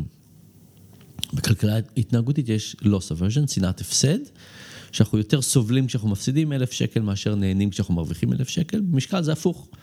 אתה סובל כשאתה מעלה קילו, אתה קצת מרוצה שאתה מוריד קילו. תחשוב על מישהו שלא משנה את המשקל, רק עולה ויורד, אבל סובל מאוד בעלייה וקצת נהנה בירידה. כן, ממוצע החוויה הפסיכולוגית היא לא טובה. והדבר השלישי שגילינו זה אנשים מצפים שהמשקל שלהם ירד נורא מהר. אנשים אומרים, אני זאת כבר- אומרת, אם הם התחילו מאמץ כלשהו, התחלתי- ספורט או תזונה, כן, אז הם מצפים אני שזה... כבר בדיאטה יומיים. כן, כאילו כן, מה, מה קורה? יומיים רק נכנס סלט והלכתי, איפה, כן. איפה זה? לגוף לוקח בין שמונה ימים לשבועיים, אבל, אבל התפיסה שלנו היא, זה לא יכול להיות, לא יכול להיות שכבר שבועיים, יומיים כן. אני אוכל חסה וזה, כן. וזה לא יורד. אז אמרנו, אולי הרעה החולה זה המספר על המשקל. אז עשינו משקל בלי מיצג, בלי מיצע, אין מספר. אין מספר, ואנחנו מראים לאנשים באפליקציה מה קורה, אבל אנחנו לא מראים להם את המספר, אנחנו מראים את המגמה של השלושה שבועות האחרונים. שלושה שבועות. כן. אוקיי. כי בעצם אתה רוצה לבלוע את השונות. כן, אוקיי. אתה רוצה לראות את- את גרף הטרנד. בדיוק. ואז שאלנו את השאלה הראשונה, האם להראות ארבע מגמות או חמש? מה זאת אומרת? או, אתה עולה בהרבה, עולה בקצת. שום דבר לא קרה, אותו דבר, קצת יורד. עולה בהרבה, עולה בקצת, שום דבר לא קרה, יורד בקצת, יורד בהרבה, זה חמש. כן. או ארבע, עלית בהרבה, עלית בקצת, ירדת בקצת, ירדת בהרבה. האם להשתמש באמצע? Hmm, האם לעשות, זאת אומרת, 1 עד 5 או 1 עד 4, כשב-1 עד 4 אין לי את ה... נשארת. באותו משקל. כן. אז מה קורה אם נשקל- נשארתי באותו משקל? אפשר, ת- תמיד יש, אתה יודע, אה, אוקיי, אף- אז זזתי שני גרם, אז זה כבר יהיה, עליתי בקצת. בדיוק. אוקיי. אז קודם כל גילינו שמה זה חשוב, שום דבר רע לא קרה. תחשוב על שנה, תחשוב על שנה, ותחשוב שירדתי במשקל עשרה שבועות, ושום דבר לא קרה ב, ביתר. שנה טובה או לא טובה? מצוינת. מדהימה, מדהימה. אתה יודע, בגילי שנה... הצלחתי לא לעלות חזרה. בדיוק. דבר ראשון, שנה שכלום לא רע לא קרה, היא כבר עולה. אבל, אבל אם מישהו עשרה שבועות ירד וביתר לא קרה כלום, זו שנה מדהימה. זו שנה כאילו קיצונית בטוב שלה, אבל אם הוא לא יחשוב על שום דבר לא קרה בתור דבר טוב, Hmm, הוא יגיד שהוא נכשל רוב הזמן. נכון. רוב השבועות זה יהיה נכשלתי, נכשלתי, נכשלתי. אז עשינו חמישה שלבים, ואנחנו חוגגים את האמצע. האמצע זה ירוק. זה ממש טוב, וחוגגים, וקונפטי והכל. ו... ועשינו ניסוי, ובאמת, במשקל רגיל, אנשים מעלים חצי שנה 0.3 מהמשקל שלהם, 0.3 כל חודש, עלייה, עלייה, עלייה. ככה זה קורה, עליות קטנות כל כן. הזמן. במשקל שלנו אנשים הורידו 0.6 כל, כל חודש. כל חודש. מדגם גדול וזה? מדגם אלף אנשים, אנשים וואו. שעובדים ב call center, אנשים קשים, לא לקחנו אנשים שרוצים להתעמל וזה, לקחנו אנשים שיושבים כל היום ממעמד כן. הסוציו-אקונומי נמוך, רובם בהשמנת אז רק. לשנות את הדבר הזה, גרם להם בממוצע ל- ל- לרדת ולא לעלות בדיוק. 0.3. במקום לעלות 0.3, הם ירדו 0.6. ו- וה- וחלק החשוב שהיה, זה 79% מהאנשים עלו על המשקל הזה חמש פעמים או יותר בשבוע. כאשר המשקל הרגיל מפסיקים מהר מאוד, כי זו חוויה כל כך, כן, כל כך שלילית. כן, כן. ו, ו, ו, ומה, למה אני מספר את הסיפור הארוך הזה על, על המשקל? כי זה בעצם מבחינתי אמ, לה- להבין מהי הסביבה שלנו. אם אתה שואל, איך אני יכול, איך אני מרגיש שאפשר לשנות התנהגות?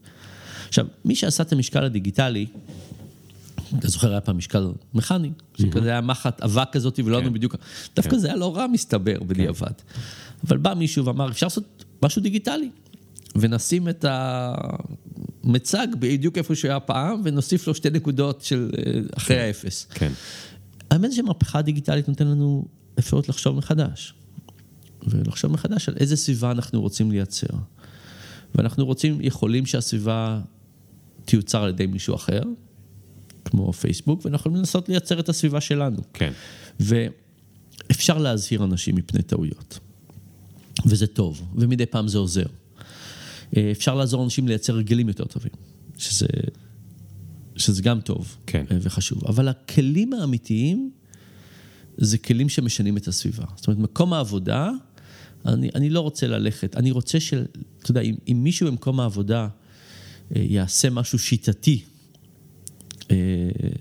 לעזור לנשים להרגיש יותר מוערכות, זה מה שאני רוצה. אני לא רוצה מישהו שיגיד לעצמו, "ת- ת- הנה to do list, לזכור, להגיד תודה מדי פעם. כן, אה, כן. יותר. אנחנו כן. רוצים באמת שינויים מבניים, כי זה הדברים שיעזרו לנו לשנות את ההתנהגות הכי הרבה. כן. אז זאת אומרת שינוי סביבה גם במקום העבודה, זה אומר, ו, ושוב, דיברת על משקל, אז בעולם הפיזי נורא קל להבין, אוקיי, אני אשים, ה... אני אשים פה קערת פירות, אז נאכל פרי ולא נאכל אה, נכון. אה, במבה. אבל במקום העבודה, זה, זה, זה קצת יותר פילוסופי, זאת אומרת, איך אני משנה את הסביבה? באיזה מובנים אני יכול לשנות את הסביבה? אז המון מובנים. אז, אז קודם כל בוא נחשוב על, ה... על התשלום. מה מופיע לאנשים על תלוש התשלום? Hmm, אין שם אף פעם תודה. אה, זאת אומרת, תחשוב על הדברים הכי בסיסיים שיש. אה, תחשוב על איך אנחנו מייצרים מקום אה, ש- שעוזר לאנשים אה, לקחת יותר סיכון. אני אתן לך, אני אתן לך סיפור על זה. פגשתי יזם מדהים לפני 12 שנה, החברה שלו כבר שווה הרבה ביליונים, הוא, הוא מבוגר כבר, זה, הוא הוא התחיל חברה מאוד מאוד מצליחה. אמ, והוא אמר לי, תשמע, החברה שלנו מאוד מצליחה, אנשים אבל כזה, כאילו הכל עובד, לא, לא מחדשים מספיק. ודיברתי איתו על לקיחת סיכונים, איך הם באמת מתייחסים ללקיחת סיכונים, והוא אמר, אתה יודע, באמת אנשים לא מסתכנים. כאילו, משנים פיצ'ר קטן פה, משהו קטן פה, אבל לא, כן. לא, לא לוקחים סיכון גדול. אז אמרתי לו, בואו תחגגו סיכונים. אמרתי לו, בוא תיתן אתה פרס פעם בשנה למישהו שנכשל באופן מדהים. שאמרתי לו, אל תיתן את זה למישהו מטומטם שעשה את זה לא מטומטם, אל תיתן את זה למישהו שעשה טעויות חשיבה. כן. תן את זה למישהו שהיה לו הנחות עבודה הגיוניות, מקובלות, ובסוף לא יצא. אמרתי, ככה אתה זה. כן. עכשיו, הוא הגדיל לעשות, הוא נותן חצי מיליון דולר וואו. ושלושה חודשים זמן לעבוד על הפרויקט הבא, ולא רק זה, לא רק הזוכה, אלא כל מי שנכשל, מציג ביום הזה. אז ביום הזה יש פוסטרים של כל הפרויקטים, כן. מה ההנחות, מה למדנו, מה טעינו. עכשיו, דבר ראשון, מאוד טוב ללמוד מטעויות. כן. אבל חוץ מאשר ללמוד מטעויות, זה יום שהחברה אומרת, תיקחו סיכונים.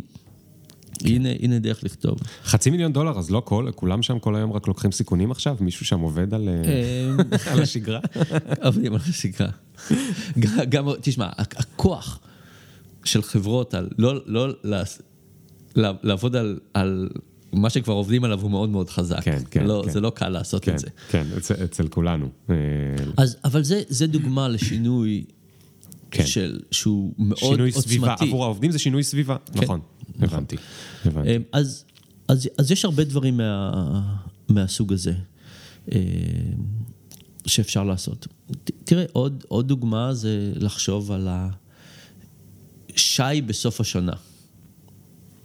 אז אתה יודע, נותנים שובר.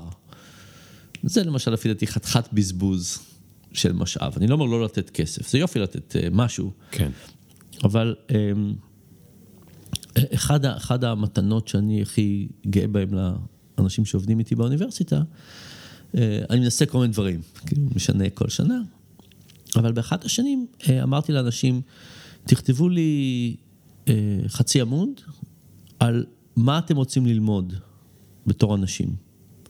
לא קשור לעבודה. מה שאתם רוצים להשתפר בו בתור אנשים. תגידו לי איפה בעולם אתם רוצים לעשות את זה, עד שבועיים, אני שולח אתכם. מלון זול, מחלקת תיירים בטיסה, אבל אני שולח אתכם. ואנשים אה, למדו לתופף, ואנשים עשו מדיטציה ויוגה, ומישהו למד לכתוב בפריז, ומישהו למד וואו. קרטונס, ו... וזה עלה לי טיפ-טיפה יותר משלושת אלפים דולר בממוצע. כן. זה במעבדה שלך? כן. עכשיו אני מבין למה לא עוזבים אותך עשר שנים. אבל, וואו. אבל מה, מה היה העקרונות של המתנה הזאת? העקרונות היה להגיד לאנשים, אתם חשובים לי, אתם בתור אנשים. נכון שאתם עובדים איתי, אבל אתם חשובים לי בתור אנשים. ואני רוצה לעשות משהו שלא רק מסתכל אחורה. כאילו בעיניי שובר זה כזה סוגר קופה. כן. אתם עשיתם זה, אני חייב לכם. זה הולך קדימה. כן. אמ, אז אתם חשובים לי בתור אנשים, אני רוצה להשקיע בכם, אני רוצה לעשות משהו שאתם לא הייתם עושים בעצמכם. כן. אני גם רואה אתכם כאנשים נפרדים, כן. ולא העובדים. כן, והאמת זה שמה שעוד קרה שהיה נורא מעניין זה שבגלל שזה היה לשנה הבאה, אנשים כל השנה נסעו לכל מיני מקומות. התרגשו כשהם נוסעים, סיפרו כשהם חוזרים, כן. אז, אז באמת הייתה מתנה ש, שהמשיכה לתת. אמ, ו, ו, ו, ואני חושב שהדברים האלה זה דברים שמייצרים המון קשר, זאת אומרת המון אה, תפיסה של מטרת הארגון. כן, כן. אמ, אז, אז אני, אני הרבה חושב על הדברים האלה. למשל, בקוביד, בעיר שלנו בדורם, כמובן כל העסקים נסגרו, אה, ו, ואני התחלתי, אמ, התחלנו תהליך שכל שבוע, אה, לא כל שבוע, כל, ביקשתי מאנשים להצביע על איזה עסקים קטנים הם רוצים לעזור להם אה, בעיר שלנו. ואני כל שבוע שילמתי להם איזשהו סכום בשביל כל העובדים. אז אנחנו mm. 50 אנשים בארגון, אז אם זה היה מקום שעושה גלידה, נתנו להם 50 דולר פר בן אדם, הם היו סגורים, יום אחד אנחנו ניקח את הגלידה, אם זה היה מקום שעושה אומנות, כן. שלנו ככה וככה בשביל זה. ו, ובעצם, עכשיו הייתי יכול לתרום את זה לבד. כן. אבל במקום לתרום את זה לבד, הצבענו על זה ביחד. החלטנו ביחד מה אנחנו עושים. היה מוטיב חשוב בעניין שזה הקהילה והעיר? כן, מאוד, מאוד. עשינו גם הרבה דברים בכלל, בגלל שאנחנו מעבדה של כלכלה התנהגותית, עשינו הרבה דברים עם הקהילה והעיר שקשורים לקוביד. עזרנו ל... למועצה להסביר לאנשים מה קורה, עזרנו ביצירת החוקים, זאת אומרת, מאוד, מאוד כן. עזרנו בדברים האלה. אז כן, אז זה היה מאוד, אבל, אבל אתה יודע, למשל, הרבה חברות יש תרומה לקהילה, ומישהו יושב ב... לא יודע באיזה מחלקה, ומחליט לאיזה ארגון נותנים כסף. אז זה יופי, זה נהדר, אני שמח שהם עושים את זה. אבל אם עושים את זה בלי לערב את כן. העובדים, כן. אין, אין תחושה של אנחנו עושים את זה ביחד. כן. ומה ש, שיצרתי זה בעצם תחושה של המעבדה, שכולם מרגישים שאנחנו בתקופה הזאת כן. עזרנו עוד. כן, עשינו עוד. וגם, אם אני, אני לא יודע אם זה באמת קשור, אבל זה קצת מתקשר לי גם לאפקט איקאה. זאת אומרת, זה שאני החלטתי למי אני תורם, אני מרגיש קצת יותר תורם. בהחלט. נכון? בהחלט. וזה גם מה שהכנסת ללמונייד, או לפחות, אני לא יודע אם זה עדיין נכון, אבל זה מה שעשה את היח"צ לפני אה, כמה כן, שנים. כן, עדיין נכון. שאני עדיין. בוחר למי ילך החלק בביטוח שלי שלא ישומש בקבוצה כן, שלי. כן, אה, זה חלק מאוד מאוד חשוב. אה, מאוד בסיסי ומהותי. אז כן, אז זה, זה, זה דברים שאתה אומר, אתה, אתה משנה את היחסים באופן מובנה. כן. לעשות, וכשאתה... וכשאתה... כן. טוב, אנחנו מתקרבים לסיום, יש לי עוד שתי שאלות. אחת גדולה ואחת קטנה. הגדולה היא... כנרת בקבוצה שאלה, שאלה מאוד שאהבתי, כי כולנו חושבים עליה כל הזמן, בטח גם בעולם העבודה ובעולם הפרויקטים. איך, איך מכריעים בין ההווה והעתיד. זאת אומרת, אה, איך אני, איך אני מכריע בין, בעצם בין טווח קצר לטווח ארוך. בטווח הארוך אני צריך לבנות את עצמי ואולי לשלם מחירים וזה, ואתה בטח יודע, אתה באקדמיה, שם זה כל הזמן, הם בונים על בונים על בונים על בונים, וכמו שאמרת, אם לא ייתנו להם קביעות, אז לאן כל זה הלך, הם יצטרכו ללכת ל, למקום אחר. וגם בעידן עכשיו, שבטח אצל עצמאים, הפנסיות זה משהו שהרבה אנשים לא סומכים עליהם, לא יודע אם זה בצדק או לא, אבל לא סומכים עליהם. אז האם אני צריכה להמשיך אה, ל- ל- לעבוד על איך אני אפרנס את עצמי הרבה שנים, או אתה יודע, אני יכולה מחר אה, שיפול עליי, אה, אני יכולה ליפול ממטוס. כן. טוב, אז, אז אני חושב שלחיות ולהרגיש שאולי, לחיות רק להיום זה בטח לא החלטה, החלטה הנכונה. אני חושב שגם כשאומרים שאנחנו רוצים לחיות לטווח הרחוק, אה, עדיין יש שאלה של במה אנחנו משקיעים.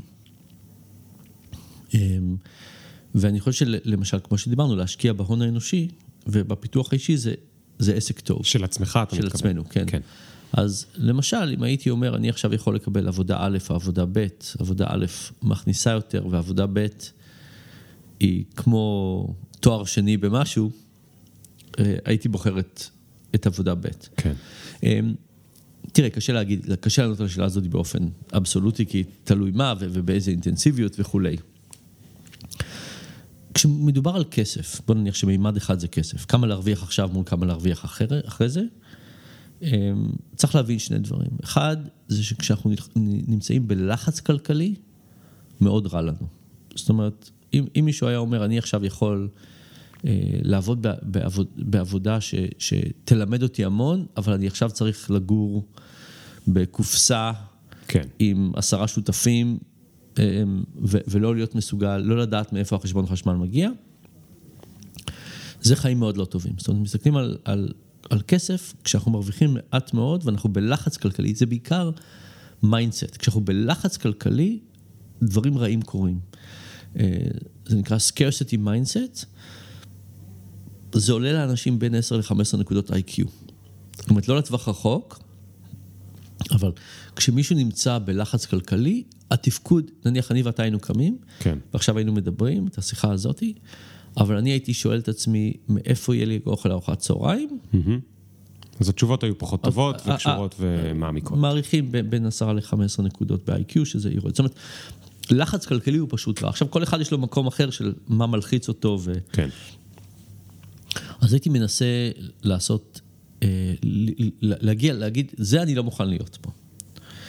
אה, זה נקודה אחת. נקודה שנייה זה כמובן שלכסף קצת מתרגלים.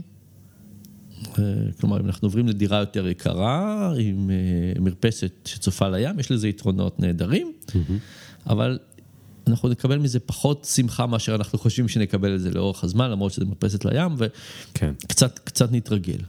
אז צריך להבין שכשאנחנו מסתכלים על עלייה מאוד גדולה במשכורת, או עלייה, אנחנו מעריכים אותה בהערכת יתר. כן. כן. אז, אז אני חושב שצריך מאוד לחשוב על, על resilience, על, על לא לדאוג. שמיכת ביטחון, לא כן. לדאוג, זה, זה מאוד חשוב. אמ, אני חושב שלפעמים הרדיפה אחרי כסף בטווח הקצר היא, היא יש לה הערכת יתר מבחינת האפקט שלה על, ה, על החיים שלנו. זאת אומרת, כמה אני באמת אהיה יותר מאושר לעומת כמה שאני מדמיין שאני אהיה יותר מאושר. בדיוק. ו, ו, אז מבחינת הכסף, הייתי אומר, אמ, אפשר לוותר קצת עכשיו בשביל דברים לעתיד, כן. אה, שהם, שהם סטוקסטיים. כלומר, יכול להיות שאני אשקיע בלעבוד ב...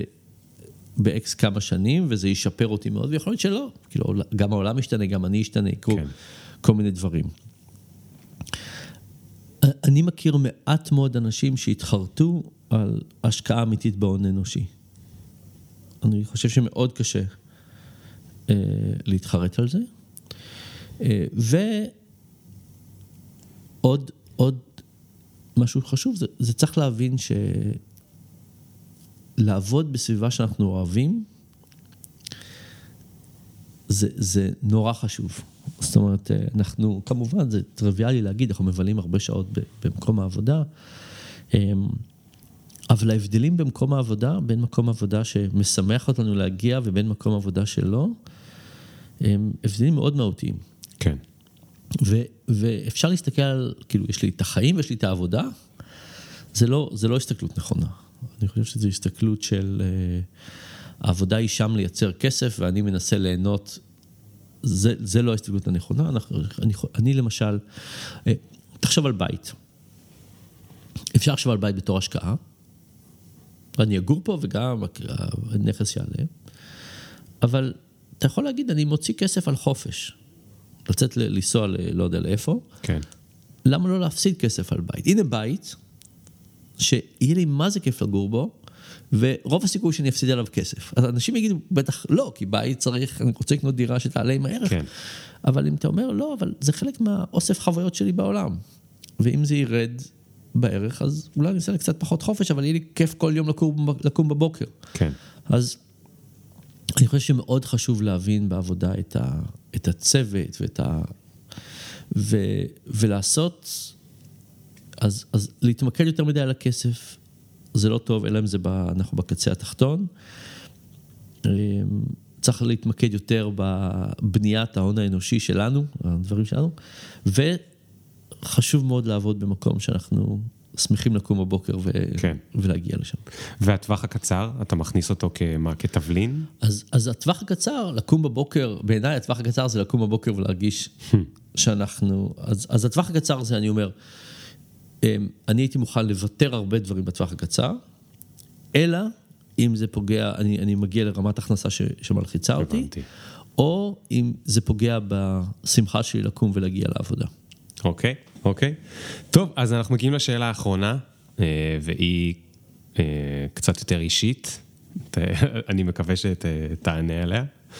אה, אז זו השאלה המתחכמת, מה הדבר הכי לא רציונלי שאתה אוהב לעשות, וגם מה הדבר הכי לא רציונלי שאתה שונא שאתה עושה, אבל אתה לא מצליח להפסיק. אוקיי, אז מה הדבר הכי לא רציונלי שאני עושה? שאתה אוהב לעשות.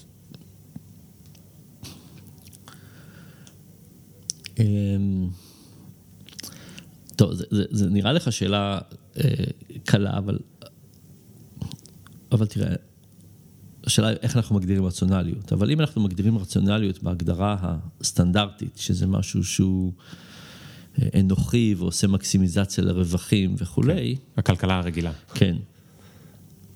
אה, אני חושב שהדבר הכי לא רציונלי שאני עושה כרגע זה אני אה, הסכמתי להיות היושב ראש של אינקלו. אינקלו זה רשת הבתי ספר המכילים של עדי אלטשולר, שלוקחת ילדים עם מוגבלויות ולא מוגבלויות ומלמדים אותם אה, ביחד. יש לזה המון סיבות טובות. אה, אתה יודע, לא רציונליות סטנדרטית זה כאילו, מה אני... כן. זה, זה, אמ, אבל, אבל אם אתה שואל, אני, אני חושב שמה שאתה מתכוון זה איזה דברים אני עושה שאני מתחרט עליהם. כן. זאת אומרת שאני, שאני מרגיש שהם אה, לא נכונים, זאת אומרת טעויות, שאני, שאני מודה בטעויות, זה לא שזה לא רציונלי כן. או סטנדרטי. גילטי פלז'ר בביטוי הפופולרי. אז, אז גילטי פלז'ר אין לי הרבה, אני, אני באמת, אה, באמת עובד. מיישם. אה, עובד, עובד הרבה ואני מאוד אוהב את, ה, את העבודה שלי. אמ, אם אני חושב על דברים שאני...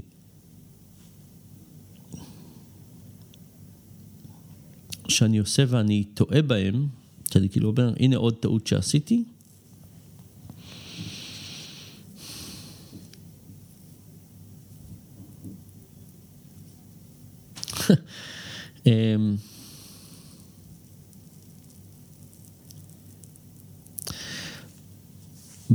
בתקופת, לא, לא, בהרבה שנים הייתי בארץ מעט מאוד, בערך ארבעה חמישה ימים בחודש, לעבוד עם קיימה ואז הייתי נוסע, בקוביד הגעתי לפה והייתי חצי שנה בעבודה שקשורה לדברים האלה. עכשיו, בגלל שלא הייתי פה הרבה שנים, אה, גם לא הייתי בארוחות ערב שישי עם אמא שלי ואחותי והילדים אה, הרבה שנים. זאת אומרת, לפעמים זה היה יוצא, אבל כמעט זה לא יוצא. ועכשיו פתאום זה יוצא. ו... ומה שהיה לי, אה, זה יישמע טיפשי, אבל מה שהפתיע אותי זה כמה ההרגל הזה נהיה יותר ויותר נעים עם הזמן. זאת אומרת, יש משהו ב... ריטואל. זה, זה, זה לא תמיד, אתה יודע, אתה אומר, מכל הדברים בעולם, מה הכי מעניין לעשות? זה לא תמיד הדבר הכי מעניין לעשות כן. מכל הדברים בעולם, אבל ככל שזה מתמשך ונהיה יותר פינה בחיים השבועיים שלי, הסיפוק והשמחה וה, והקלות שזה, שזה קורה, היא מאוד, כן. היא, היא מאוד משמחת. אמ, אז, אז זה, זה כאילו ההתבוננות שלי על הדבר הזה, ולמרות שאני מבין את זה, אני לפעמים מתפתה לוותר על זה, כי יש משהו שאני חייב, כן. חייב לעשות. אז, אז אני חושב שזה דבר שאני כאילו למדתי להבין את הערך שלו, ולמרות שאני מבין את הערך שלו, אני כן. לפעמים מוותר עליו. כן. וגם אולי אם חוזרים לתחילת השיחה, היה קצת מזל שהיה קוביד, כדי שתהיה לך את ההזדמנות ללמוד את הערך שלו, כי אחרת אולי זה לא היה. קורה הרבה שנים. אני, אני בקוביד למדתי הרבה דברים. למדתי הרבה דברים, גם אה, הייתה, הייתה תקופה ש... אה, אה, חקרתי קצת באופן אישי את אה, חיי דייטים של תל אביב אה, בזמן קוביד, וגם שם למדתי הרבה דברים מעניינים. דן, תודה רבה רבה. תודה לך. היה לי מאוד מאוד מעניין. אה, זהו, אני, אני אומר לכל מי שבאוטו, ו... או רץ, או שוטף כלים, או שמעתי כל מיני דברים מעניינים שאנשים עושים בזמן אה, פודקאסטים. אה, כיף שנשארתם, וזה היה פרק 200. עכשיו עברו חמש שנים מאז שהפודקאסט התחיל, ובואו נראה, אולי יהיו עוד חמש שנים. מזל טוב. תודה רבה. Yada bye. Did you get my mentions? Question Do you even fuck with a nigga like me? Will you bump me in about three? Really? IDC. Cause every time a nigga talk, they KC. The big up picture. Fuck your filter. Me can't go run, but me can't repeat. Nah.